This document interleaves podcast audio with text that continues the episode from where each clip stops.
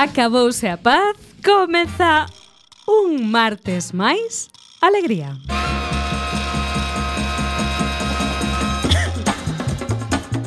Un auténtico prazer voltar ás ondas radiofónicas, voltar ao estudo José Couso de Coac FM aquí no campo, no campus da Zapateira, no monte da Zapateira. Recibide unha Aperta un bicazo de parte de Isa Lema que había moito tempo que non podía subir eh, as tardes dos martes a alegría, pero como os decía antes, un auténtico placer. Por suposto, quienes veñen todos os martes son Bea Ulalume. Que tal? Moi boas tardes, Bea. Hola, boa tarde. Feliz xa co comezo da primavera. Pois a primavera, polo visto, xa chegou, aínda que na Coruña, pois continúa facendo un pouquiño de frío, pero xa sabedes, ano de neves, ano de venes. Aí na parte técnica, nos aparellos, no ordenador, na mesa de son, Mr. Bugalú, que tal, Mariano? Moi boa tarde. Hola, que tal? Mariano, que pri es... Primavera polar, no corte inglés. Sí. Bueno, conste que esta mañá eh, estaba caendo unha nevada en Madrid que dicían que os, os copazos máis que de neve parecían de whisky, vamos. Bueno, bueno, bueno, pois a verdade é que eh, falaremos, falaremos de cuestións medioambientais, non concretamente da primavera, pero si sí de moitas novas e de econovas que virán da man de Bea Ulalume, e iso será pois a partir do equinocio deste programa. Equinocio, espera que calculo. Porque Ecuador vale, pero equinoccio custa máis caro. No, pero de Ecuador era como te vamos a buscar o equinoccio que está por ali, eu que sei. No, pois no polo, cuarto de hora. Polo, efectivamente, entre o vi, como a primavera chega entre o 20 e o 21 E ademais a unha hora concreta.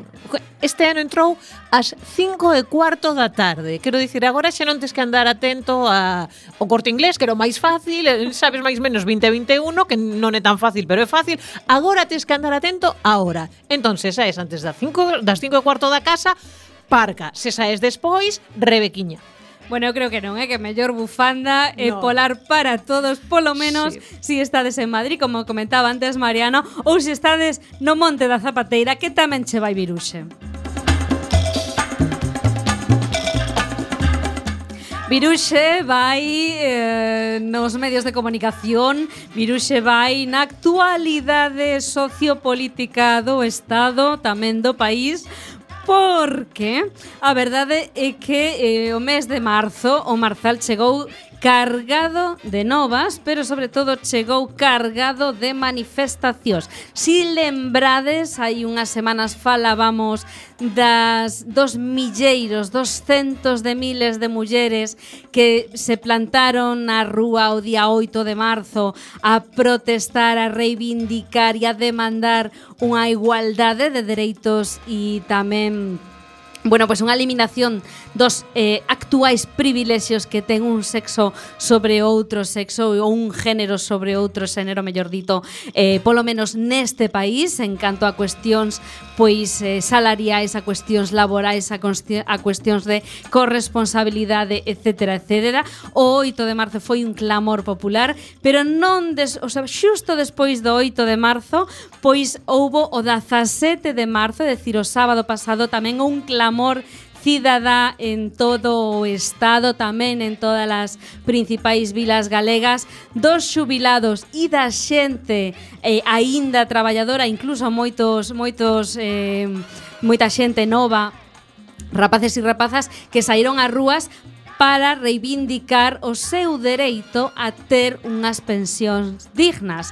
Despois de 35, 40, algúns 45 anos traballados, eh, queixanse os xubilados e as xubiladas deste país que o Estado, que o goberno do Estado, mellor dito, lles está vacilando entre outras eh, terminoloxías que empregan, algunhas máis duras que a palabra vacile, e que exixen unha subida eh, das pensións acorde cado IPC.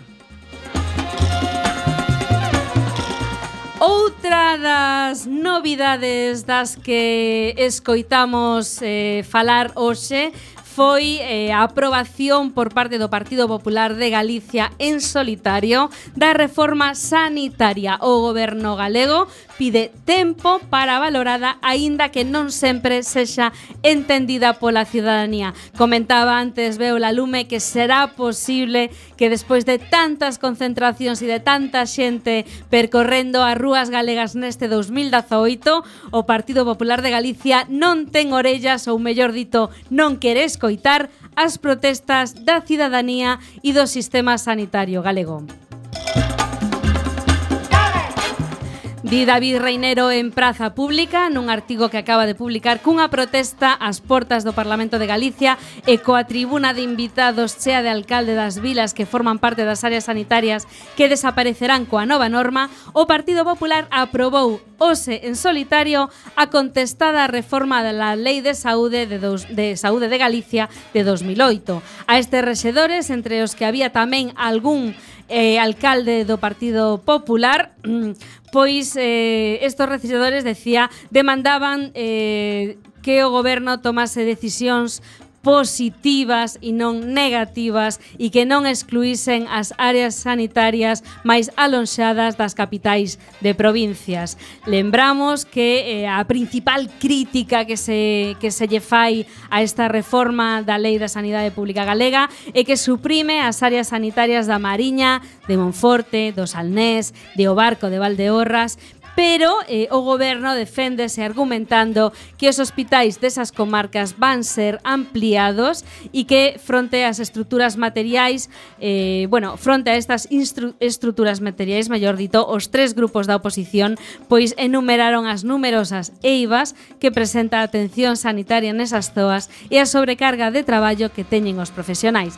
É dicir, O que pasa tamén aquí na Coruña no Chuac.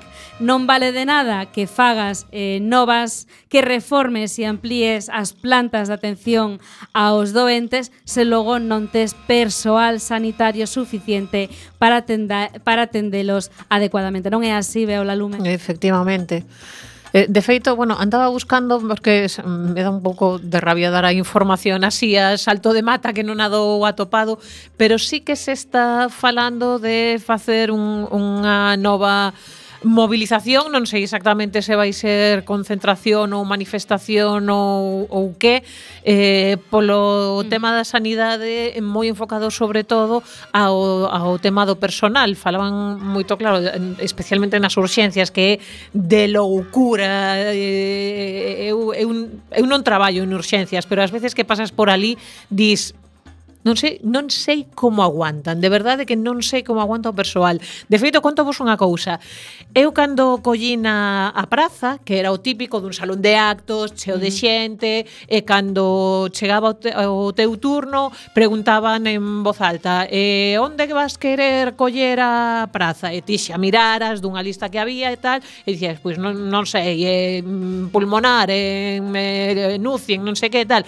E cada vez que alguén dicía en urxencias, aplaudíamos todos. Porque de, de verdad, valente, no, heroe, no, de verdade, de verdade, é que hai que ser moi valente para uh -huh. para además sabías que era xente que non chegar e dicir, "Ah, pois non sei nunca estive en urxencias a ver como é", de, "Ui, non sabes onde va". Sabes que era xente que levaba xa tempo traballando claro, en urxencias motivada. e que agora querían pois estabilizarse nos dis, pois ole ti, porque, porque unha cousa moi terrible é o persoal que está aguantando das urxencias. Entón, se vai haber movilizacións, eu estaré ali a, a primeira, e, e, hai que apoiar, porque... Uh -huh. eh, Isto hai, que, hai que lembrar que esta reforma sanitaria, como decíamos, non só afecta a cuestións eh, relacionadas co Estatuto do Traballador dos Sergas, sino tamén a cuestións de organización e reorganización do Servizo de Saúde eh, en toda Galicia, co cal afecta sobre todo pois eh, aos doentes e aos usuarios dun sistema público que era moi moi bo, que sigue sendo moi bo e que temos que defender a súa calidade. Mariano, tiñas comentarios sí, que facer? Era, era un, facendo un, un cadro xeral político a vista desta, de algunhas destas novas que que, traías, non? O sea, mm, por un lado, o enésimo recorte das, das pensións en, o sea, en relación a, a, ao IPC Eh, bueno, non se soporta comparacións eh, Como falemos en números brutos coa legislatura, Coas legislaturas de, de Rodríguez Zapatero o, o incremento en números brutos É eh, irrisorio eh, é, por, é moi por debaixo do, do, da subida do, do custe da vida da Por vida. tanto, uh -huh. os pensionistas levan perdido un porcentaxe nada, nada mm, desbotable Da súa capacidade adquisitiva Iso por un lado E por outro lado, resulta que eh, a xunta decide facer unha reforma sanitaria eh, para e que vai, que vai empeorar o, o servizo, non? Eh, que outra vez redunda sobre eh, unha parte da poboación que tradicionalmente é un apoio moi forte do Partido Popular, que eh, é a xente maior de eh, 60 anos, non? Eh, a, a que está uh, está castigando durísimamente eh, a ese segmento. Eu o que me pregunto é, mm, claro, que está acontecendo aquí, non? Eh, dame a sensación de que está empezando a ser vítimas da súa propia um, ideoloxía, digamos, non? Xa chega un momento no que nestas políticas de austeridade salvaxe eh, xa non lles queda por onde recortar, están comenzando a recortar incluso a súa base a súa propia base electoral principal. E hai unhas eleccións municipais a nada. A esquina, a, claro, sí. a, a un ano. Entón, bueno, eles saberán o que están a facer, pero así a bote pronto non semella unha receita um, que, que ademais que non son só eleccións eh, son, non son, son somente eleccións locais, eh? Eso eh, aquí, pero tamén hai unhas eleccións europeas cunha circunscripción uh, única estatal. Ah, claro, liño con iso e logo hai un hai uh, comunidades autónomas nas que, nas que tamén hai uh, eleccións a comunidade e, e pode ao final ser 2019 un punto moito máis importante do que podería semellar a priori, non? Porque ah, as eleccións locais, bueno, bueno, Uh -huh. Lembro tamén, Isa, mm, rematando con esta eh, vaga de mm, de Noticias Express que damos sempre no comezo de Alegría. Quero tamén eh, facer eco dunha nova de hoxe eh, respecto da Comisión de Incendios do Parlamento. Non sei se lembrades, seguramente sí, que tamén, eh, bueno, o ano pasado, a finais do ano pasado, houbo unha vaga de incendios en Galicia. E no, que, en eh, serio. Eh, en serio, en serio, pero incendios dos de verdade. dos, dos de que case se nos queima amigo Y en Ton y otras vilas galegas. Y, a culpa fue de em, Portugal.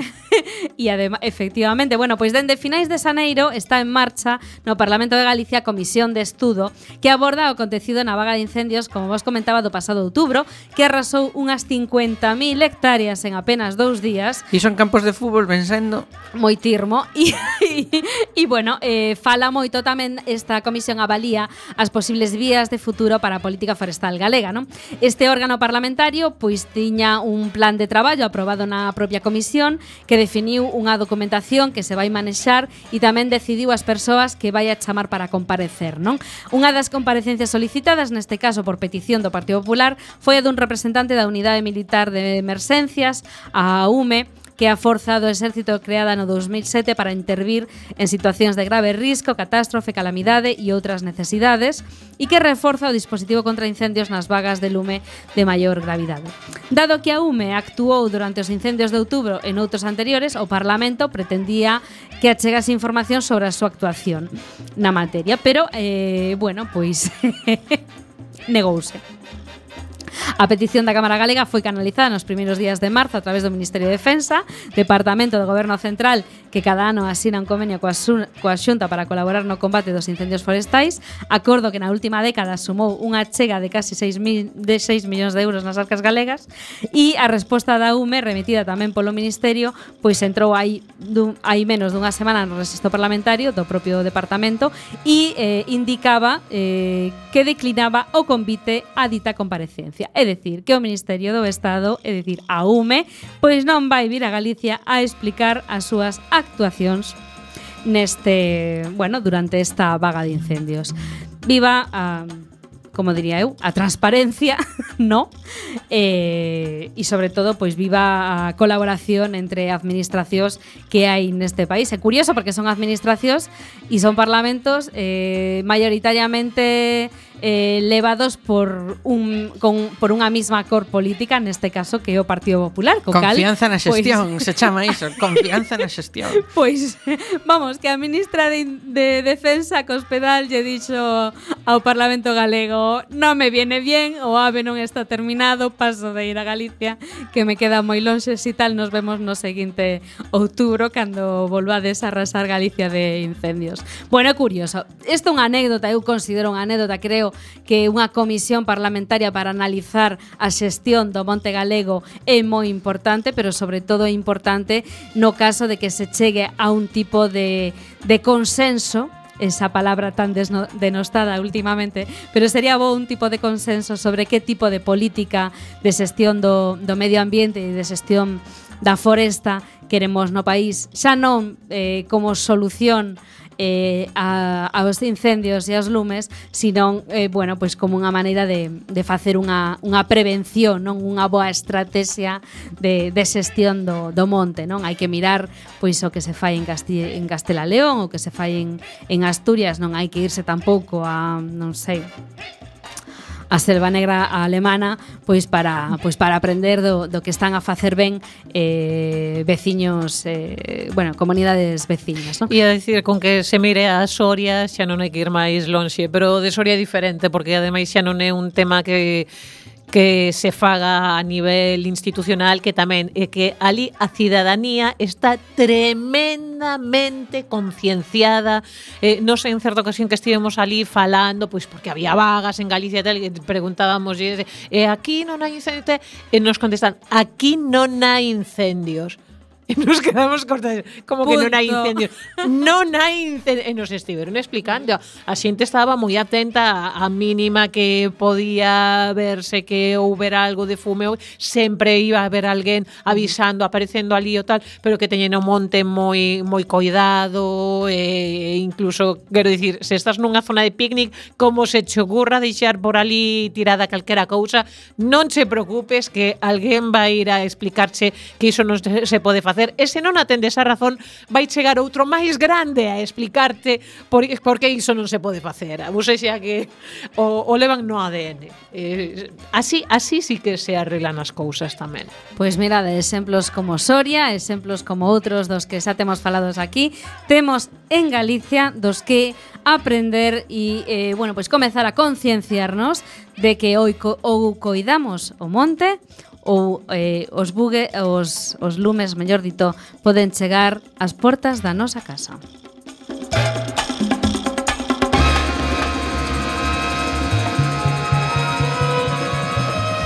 Mariano, imos poñer un tema musical así un pouco para respirar e para pasar eh, xa despois eh, bueno, pois deste, deste tema musical coa primeira entrevista, coa nosa entrevista da xornada que, como non, temos que falar das pensións e imos falar cunha das persoas que leva máis tempo eh, pois eh, traballando na mobilización da, dos pensionistas, dos jubilados, da cidadanía en xeral en Galicia e demandando pois unhas pensións dignas para todos e todas. Despois deste tema musical, pois falaremos con Valentín Tato, secretario da Unión de Pensionistas da UXT. Mariano, que imos escoitar? Nada, ellos están algo así soulerito. Great. Leré.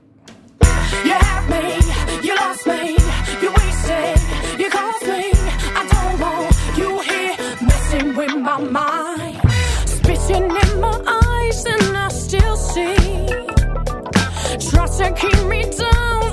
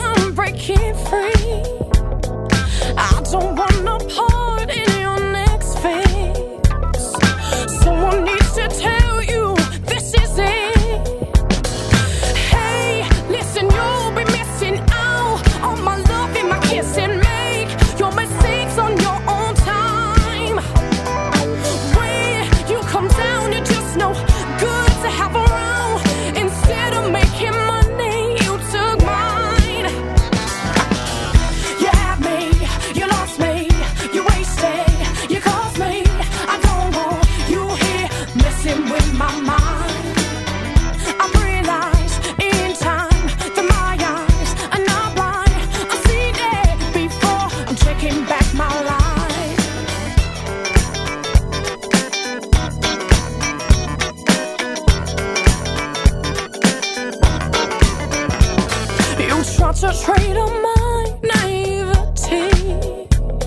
But the things you do and say.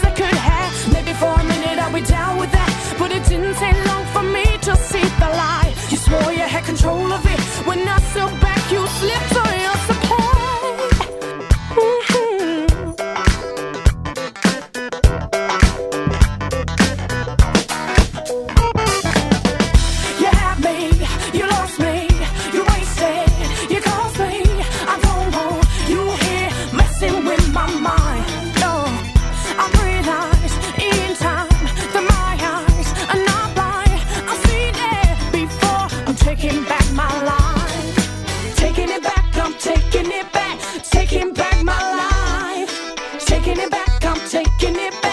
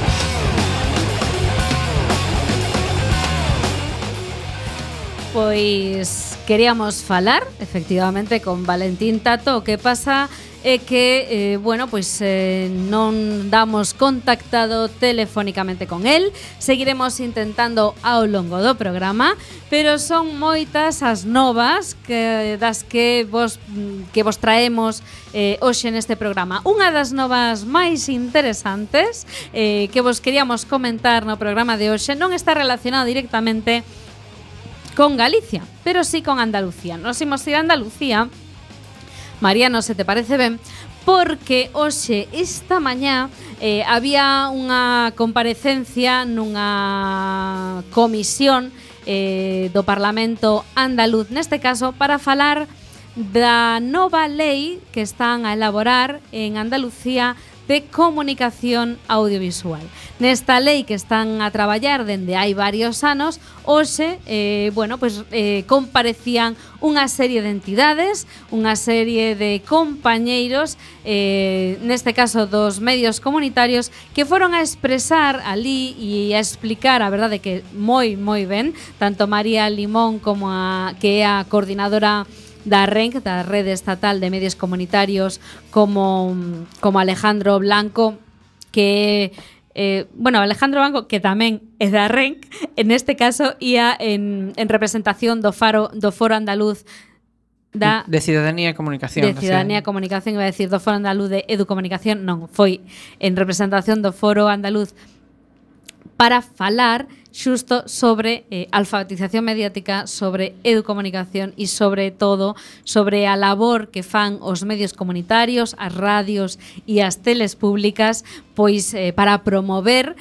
eh, alfabetización eh, da cidadanía eh, e unha eh, bueno, pois unha educación crítica sobre os medios de comunicación, nese caso sobre a cidadanía andaluza, pero todo que ali se expresaba esta mañá no Parlamento andaluz, pois pode facerse extra extensión tamén eh, as necesidades que, que detectamos dende a rede de medios comunitarios e tamén dende a rede galega de medios comunitarios pois eh, pois a nivel do Estado e a nivel e a nivel de, de Galicia por suposto non? Isto ben enlazado tamén co anuncio que temos que facer respecto da eh, vindeira asamblea estatal da rede de medios comunitarios a asamblea de 2018 que imos eh, a a, organizar eh, dende Coac FM, dende a Coruña, eh, a coorganizar xunto coa REC dende a Coruña. E que vai acontecer pois o vindeiro mês de abril, cando xa a primavera estea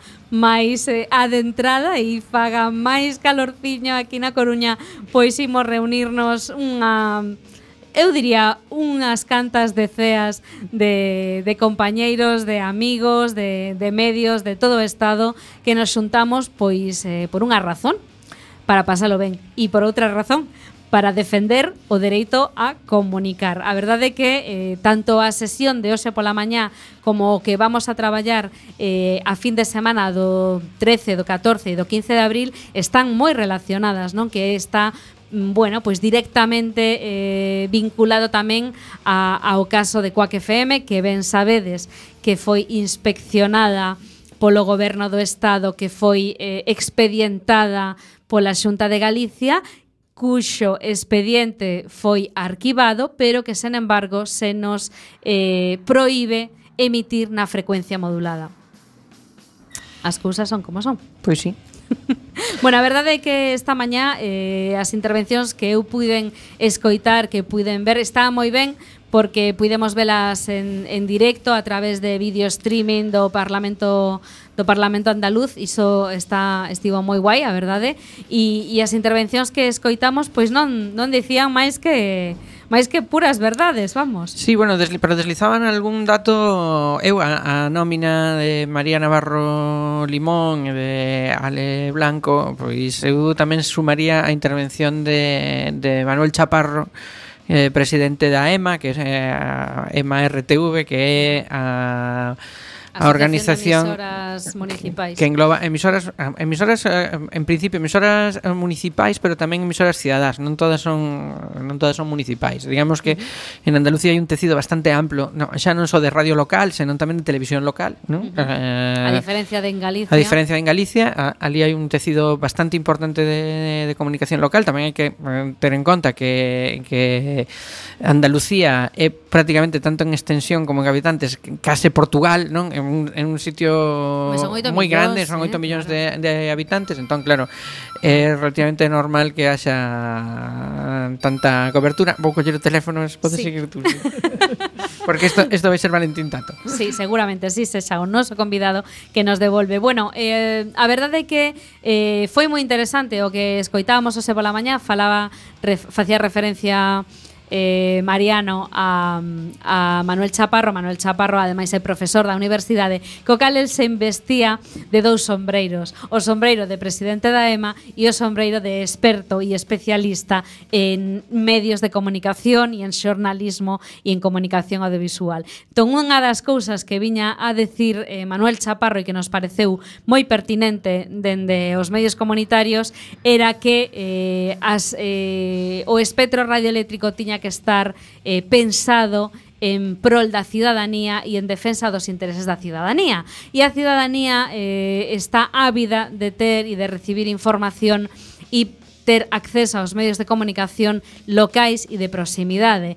E mm, eso non significa que eh, as licencias que se teñen outorgado para a explotación de medios de comunicación eh, locais ou de proximidade podan ser logo alugados ou externalizados a outro tipo de entidades que que bueno, que xa non cumplen esos eh, requisitos, non? Entón el viña dicindo que eh, botaba de menos unha labor de inspección por parte das, das comunidades autónomas e de velar porque eses dereitos da cidadanía realmente se exercecen e realmente pois os medios de comunicación que teñen outorgadas licencias para, para a emisión de, de programas de proximidade pois pois o fagan e non vendan ou alquilen ou aluguen as súas licencias a, a terceiros, neste caso, pois a medios de comunicación de ámbito nacional que non fan ningún tipo de, de bueno, producción local. Nomeadamente no caso das emisoras municipais é eso especialmente grave, non? Porque eh, está prohibido pola lei, basicamente. O sea, non é que... Eh,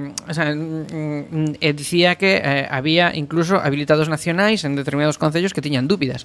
Bueno, non sei que dúbidas poden ter, porque a legislación relativa a emisoras de radio municipais, de emisoras de radio local, taxativamente eh, desbotan esa posibilidade. Aínda así, pois sei que hai alguén que ten dúbidas por algunha razón extraña, quero dicir, cando ti tes unha, unha lei marco, pero logo tes unha lei específica que desenvolve unha cuestión concreta pois digo eu que o que terás que, que atender sobre todo é eh, esa cuestión concreta. Pero se deslizaban tamén algúns, algúns datos auténticamente preocupantes, como por exemplo que na última década reduciuse nun 28% o, o porcentaxe de eh, tempo adicado á cobertura local a, nas, nas emisoras, non? O sea, que se reduciu nun 28%. Que xa non era moito, pois... Pues, en só 10 anos. Uh -huh. Eso quere dicir que tenemos moita máis emisión en cadena. Eh, Chaparro facía un, tamén un interesante apuntamento que era a, a diferenciar entre emisión en cadena eh, emisión en rede, non? O sea, que unha emisión en cadea, ti non podes eh, escoller cal é a túa programación local, nunha emisión en rede, digamos que é moito máis flexible, non? Que as, as producións de, de, de produto audiovisual se adaptan ás necesidades de, de cada entidade. E logo tanto tanto sobre todo María María Navarro fixo evidentemente fixo fincapé na situación de desprotección legal eh, que temos os, os medios comunitarios. Tamén sinalou con todo acerto que é unha situación bastante anómala no continente europeo, non? porque realmente prácticamente en toda Europa as, os medios comunitarios están plenamente normalizados eh, eh, ofrecendo ofrecendo non, protegidos polo Estado ofrecendo a, todas as súas capacidades non a ciudadanía eh, eh, incidindo moito non só no traballo de comunicación, senón tamén no de alfabetización mediática, do que tamén falou a Alejandro Ale. Mm-hmm. Navarro bastante. Ale Blanco, Ale Blanco. Alejandro Blanco, perdón, esa, cambié, esa, yo mesturo os apelidos. Bueno, eh, Ale, Ale Blanco, claro, Alejandro que decía eh, con todo con toda razón era eh, que se quedaba curto o plantexamento que facía a Administración Andaluza eh, con respecto á educomunicación que puña en pé de igualdade con outras materias en todos os en, en, en ademais en todos en todos os chanzos da, formativos non só na, na educación obrigatoria non senón tamén en educación para adultos en módulos eh, en módulos formativos para persoas en desemprego en, en todas partes igual que se fan módulos eh, específicos para a seguridade desigualdade laboral ou para a violencia de xénero, decía que tamén era prioritario introducir eh, eses criterios de mm, de coñecementos sí, de, de alfabetización, de alfabetización mediática, entre outras cousas porque dicía que Andalucía non se podía permitir que tiveran que morrer dúas generacións para que a xente eh, fose consciente de cando a estaban a manipular. Cousa que me pareceu valiente de dicir eh, nunha sede parlamentaria. Sí, a mí tamén me gustou moito unha declaración neste caso de, de Chaparro, non? Que criticaba as persecucións que se fan aos medios comunitarios dicindo a cidadanía nunca pode ser culpable dun delito por expresar ou por expresarse ou por expresar a liberdade de, de comunicación ou que sexa a sí, través bueno, dun medio e, de comunicación. E, e como demais son como, como son expertos comunicadores, non Exacto. acuñan o titular rapidamente porque sí, sí. o, o Chaparrainda o condensou máis, dicía a a, a ciudadanía non pode ser delincuente, dicía. ¿no? Claro. Cando ti reivindicas o teu a teu dereito á liberdade de expresión, non estamos facendo ningún tipo de reivindicación de dereitos non recollidos en normas básicas eh, bueno, pois do Estado ou a nivel internacional. Non? Esa parte positiva, a parte negativa era que as súas señorías a mí me daban a impresión de que non se estaban empanando de case nada do que lles estaban a, a contar. De feito, cando oh, a presidenta da Rede de Medios Comunitarios, María Navarro, lles dicía que como podía ser que eh, eh, cando había un acordo dende hai anos en introducir na lei eh, as autorizacións temporais de emisión para as emisoras comunitarias que estiveran eh, recollidas na disposición transitoria 14 da Lei Xeral de Comunicación Audiovisual, que son aquelas que estábamos estábamos en funcionamento en funcionamento antes do 1 de xaneiro de 2009, esa, ese recoñecemento para continuar emiten, emitindo baixo a protección da Xunta de Andalucía estaba recoñecida, estaba acordada e iso de repente no anteproxecto de lei desaparece eh, como por arte de Birli Birloque e un parlamentario lle preguntaba, ademais da forza mayoritaria lle preguntaba que como pudo, poido ser que desaparecera non? sabes te lo mirar Claro, que a resposta sería uh, bueno, se non o sabes ti que, eso, eso, que, eso que te eu non teño ti, no? xeito de sabelo, non? Claro, pero... Bueno, pero... nos comentaba comentaba, si sí, nos comentaba María María Limón despois de, de da súa intervención e despois de que pechase ese bloque de intervencións de que, bueno, este representaba o trámite final, non, da Lei Audiovisual Andaluza, despois procederá a verá un prazo de enmendas e logo procederá a votarse, non? E que, eh, bueno, pois a verdade é que eh, así nas conversacións despois das intervencións realmente a maioría dos parlamentarios que ali estaban de todos os partidos pois foron moi receptivos, bastante receptivos, decía incluso pois eh, non só eh, a xente que estaba ali de Esquerda Unida ou de Podemos, sino tamén pois de Ciudadanos, é dicir, bueno, parece que, que o discurso vai calando pouco a pouco, isto é un rollo de, de chuvia miúda, non? E que, e que bueno, que, que agora o que hai que conseguir é, bueno, pois eh, o que se preguntaba tamén, non? O que comentabas ti, non? Bueno, pois que lle pedían propostas para recuperar fórmulas que equivalgan a, a cuestión das autorizacións provisionales provisionais. Non parece que se non se desenvolve ese reglamento a nivel estatal, as comunidades autónomas poderían verse un pouco nun conflicto de competencias, pero que bueno, que a ver si entre todos atopamos ou ese o sentir, non atopamos fórmulas claro. que aínda non se que aínda que non se lle chame exactamente como se expresa na lei, pois poda ter eh, unha característica é que chan, similar, posiblemente ¿no? de licencia provisional ou, ou autorización así. provisional é un pouco, soalle un pouco forte corto en administración, pero hai que ter en conta que a administración central do Estado está incumplindo a legislación, non? Cosa que tamén é bastante é bastante serio e contundente, non? Entón, hai que partir de aí. Nos deso, das autorizacións sabemos sabemos sabemos bastante. Bastante, sí. Pero eu tampouco quería deixar sen sen dicir que eh, hai, eh, que é unha boa práctica a, a, a da redacción desta desta lei, quero dicir mm. eh, si sí, por, porque antes fun un pouco duro, entón dicía que me daba a sensación de que as súas señorías non se están entrando en gran cousa, pero a verdade é que o procedimento é bastante positivo. Por qué? Porque eh, se fixeron es, es, esta lei leva un traxecto de eh, de eh, participativo, un tramo participativo moi longo de sí, de varios de varios varios anos, non?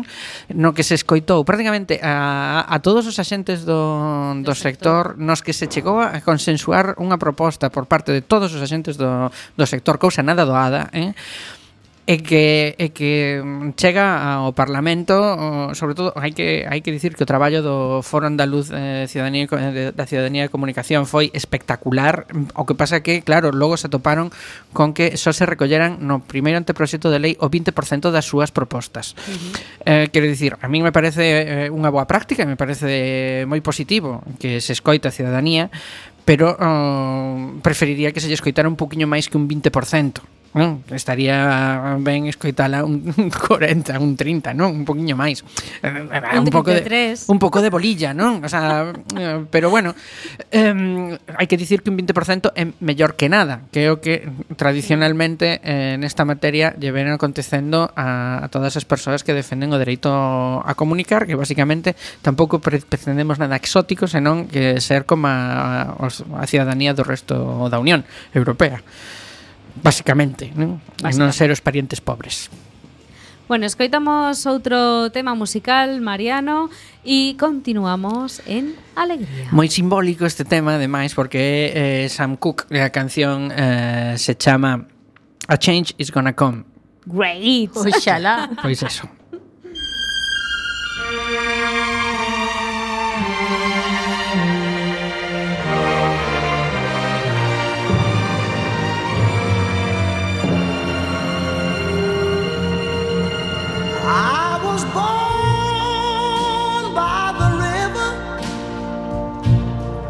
In a little tent. Oh, and just like the river, I've been running ever since.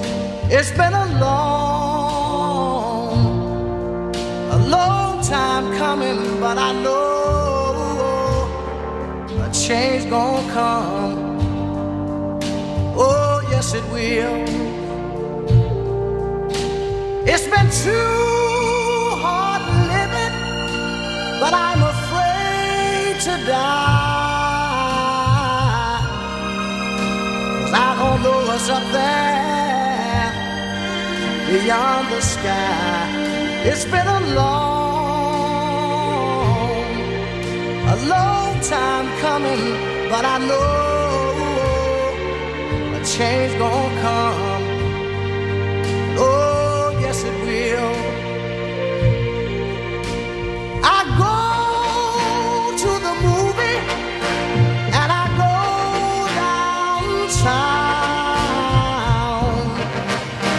Somebody keep telling me don't hang around. A change gonna come, un cambio é o que reivindican e os pensionistas ou xubilados deste país. Por iso votáronse centos de miles de cidadás o sábado pasado pola mañá e previsiblemente o seguirán facendo ata que o goberno rectifique a súa política de non actualizar as pensións. Temos unha conversa telefónica con Valentín Tato, secretario da Unión de Pensionistas e Jubilados de UGT de Galicia. Moi boa tarde, Valentín. Hola, boa tarde. Moi ben, agora sí que te escuitamos perfectamente. E, bueno, Valentín, a verdade é que leva un ano eh, bueno, reivindicando a través de diferentes eh, actuacións, eh, tanto Valentín como a organización a que representa, como moitos outros colectivos, pois eh, reivindicando con diferentes actuacións eh, unhas pensións dignas, dignas neste país. De feito, eh, o ano pasado, creo, creo lembrar, organizaron unha marcha de pensionistas a Madrid dende diferentes partes do Estado pois para reivindicar isto mesmo do que falabades o sábado pola mañá. Ou equivócome, Valentín? No, exactamente. eh, houve unhas marchas a Madrid, e Galicia participou, además de unha maneira moi sinalada, eh, un grupo de, de nove persoas, por certo, que era unha das persoas que participaba no grupo, que eu creo que debía de ser a máis, eh, digamos, veterana, con, con 80 anos de edad, pois eh, fixeron esta, esta andaina así hasta, hasta Madrid, para que se visualizase pues, o problema das pensións. Pero bueno, antes, isto foi no mes do, de outubro de, do pasado ano, pero antes xa nos estivemos na rúa con pequenos actos, con actos eh, de denuncia de, de distintas maneiras, para facer ver que a política do goberno, é dicir, a reforma de, de 2013, que é a consecuencia de todos estos problemas, que había que derogala, é dicir, esa é a base de todo e, e dentro de eso, bueno, pues, o, a suba das pensións é un elemento máis, é dicir, é unha consecuencia de, desa, desa reforma que a única pretensión que ten é ir mermando as pensións eh, ano a ano, de maneira que ao cabo de 20 anos pois estaríamos no 50% se seguise esta lei en vigor. Decíades eh, o sábado que hora de rescatar as persoas e se hai diñeiro para rescatar autopistas ou bancos, ten que haber diñeiro tamén para subir as pensións de acordo polo menos o IPC. Lembramos que aínda, a pesares de que algúns din que estamos saindo da crise e que España va bien, pois eh, moitas familias dependen exclusivamente dos ingresos dos pensionistas e dos jubilados porque non hai máis ingresos neses fogares, non? Si, o goberno está dando mostras de insensibilidade absoluta, salvo cando chegan as eleccións, que entonces si fan moitos aluminios aos jubilados, non? Porque evidentemente para o Partido Popular é un viveiro importante de votos, pero a realidade é que o presidente do goberno sigue insistindo que hai da imposibilidade de subir as pensións. E como tú comentabas, é certo que recentemente no último Consello de Ministros acabase de rescatar outra autopista.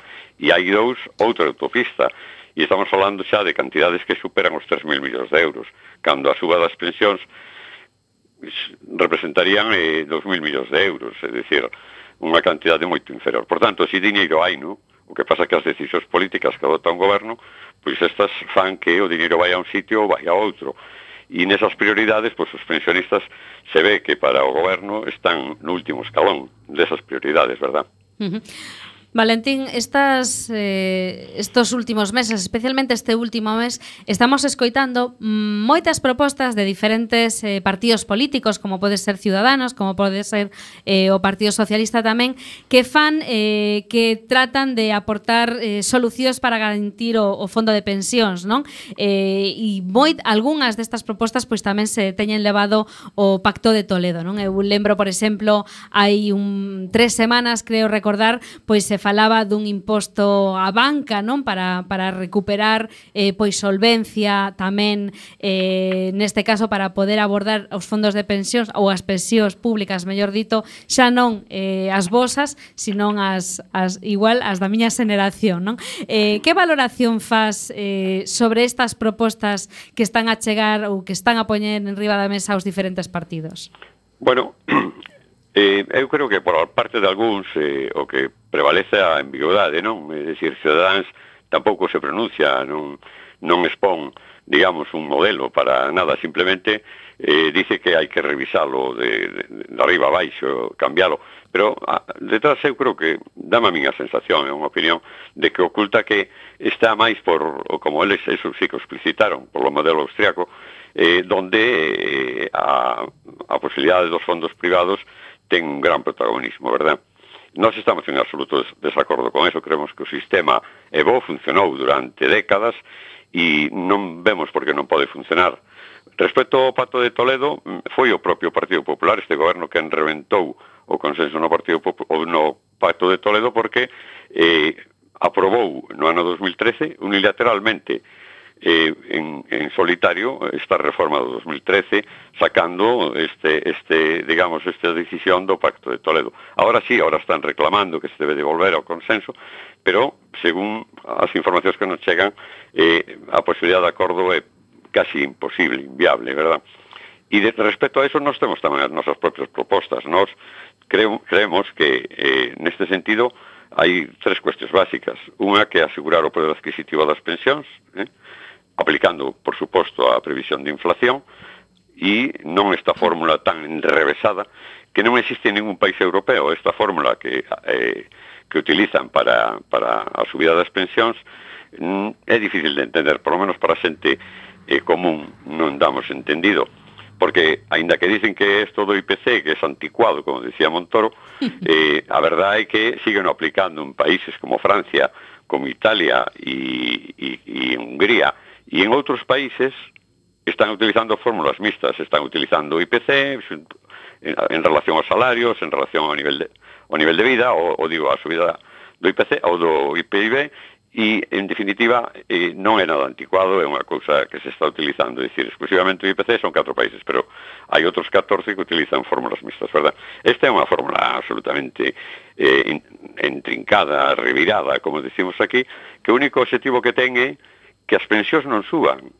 É, é, é decir, que eh, o 0,25 representa que o ano pasado perdimos casi un punto, 85, 0,85. Este ano, a estas alturas, o interanual xa está nun 1,1. E as pensións subiron o 0,25, por tanto, eso representa unha baixa. E, eh, en definitiva, se si isto se, man, si, si esto se mantén, eh, pues, levaría a un empobrecemento maior de, dos pensionistas e a unha situación de aforrar aquí e algún lado ten que ir os cartos, evidentemente. Se se lle quitan aos pensionistas, pois van a outros sitios. Por eso eh, pedimos que se deroga eso, a, a reforma de 2013. A outra cuestión é a revisión inmediata das fontes de financiación. Hai que evitar por os medios que sean, con aportación dos presupostos do Estado, ese déficit que hai na Seguridade Social, verdad? E para elo, eh, podense utilizar moitas medidas, por exemplo, eh, ahora mismo, eh, as bonificacións que hai á contratación de empresas, por exemplo, os 50 euros para autónomos eh, en determinadas circunstancias ou outras bonificacións que hai para determinados contratos, van a cargo da Seguridade Social, cando deberían ir a cargo do Estado, verdad?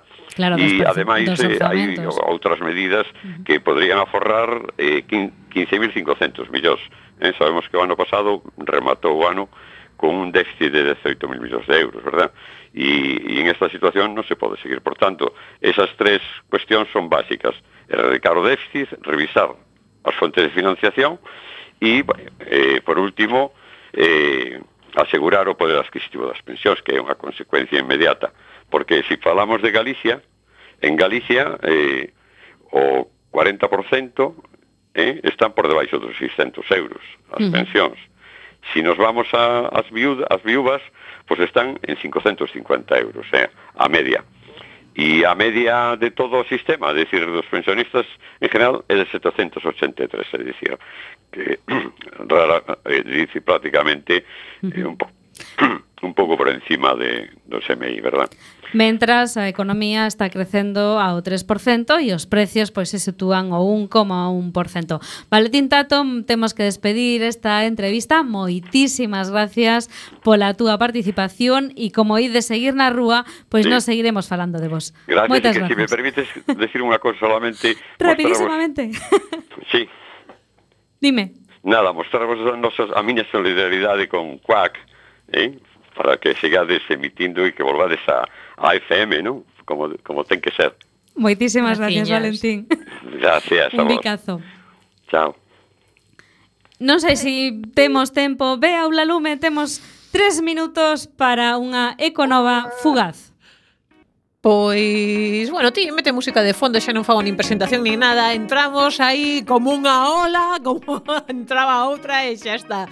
Eh, Lembrarvos moi rapidamente, este sábado é a hora do Planeta 2018 Que xa sabedes que leva moitos anos organizando WWF Que cada vez ten máis seguimento a nivel global. Mesmamente o ano pasado en España máis de 400 povos e cidades de toda España Apagaron os seus principales monumentos.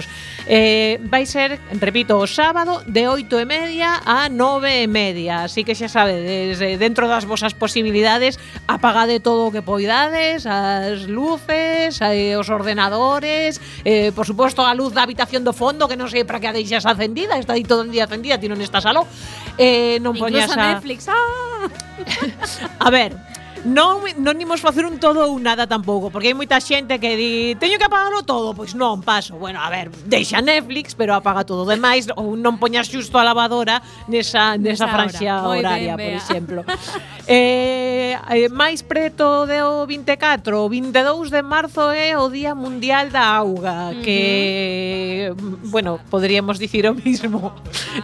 non abras a villa, non, bueno, non imos chegar a esos extremos, pero sí que lembremos que porque eh, cada vez estamos notando máis a falta de auga, mm, que cada vez chove menos, que cando chove chove raro. Eh, eh, parece que a xente que hai uns anos dicía, bueno, va, si este verán foi moi seco, pero ao final xa acaba equilibrando con cada vez se di menos iso, cada vez nos damos máis de conta de que a auga é un recurso que imos ter que cuidar moito e con moito cuidado Así que... E que non se poden facer pantanos en todos lados e amiguitos e por amiguitas. Por exemplo, nin, nin eh, campos de golf por todos lados.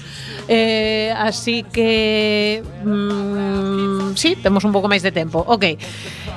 Pois falando de tema da auga, descobren partículas de plástico na inmensa maioría das botellas de auga mineral. Eh, conste que este estudio non inclui España, pero eh, o 93% da, de mostras de botellas en Brasil, China, India, Indonesia, Kenia, Líbano, México, Tailandia e Estados Unidos contiñan partículas de plástico según a información publicada por Orb Media, un colectivo de periodistas con base en Estados Unidos Unidos especializado en reportaxes de investigación. Preocupante porque esa auga que veñen nas botellas ao final acabamos bebendo. -a. Efectivamente. Entón, ao final, xa non é que os océanos estén cheos de microplásticos que tamén, e a que lle interese o tema, mañá na UDC ás 12 media hai unha conferencia, sino que os nosos corpos serranos e serranas mm. están cheos de microplásticos. Señores, hai un problema moi grave neste Pois además o ano pasado esta mesma xente investigou sobre a presencia de plásticos na auga da villa, eh, tamén nunha serie de países que non incluía España, pero neste caso non chegou un 93%, pero era só, somente un 85% das mostras.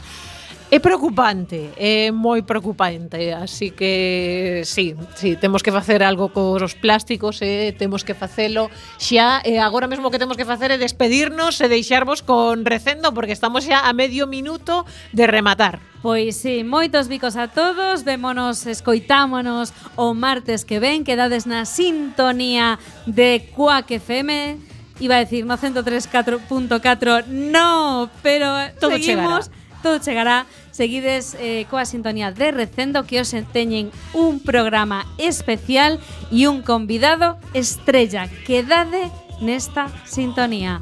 Bicos a todos.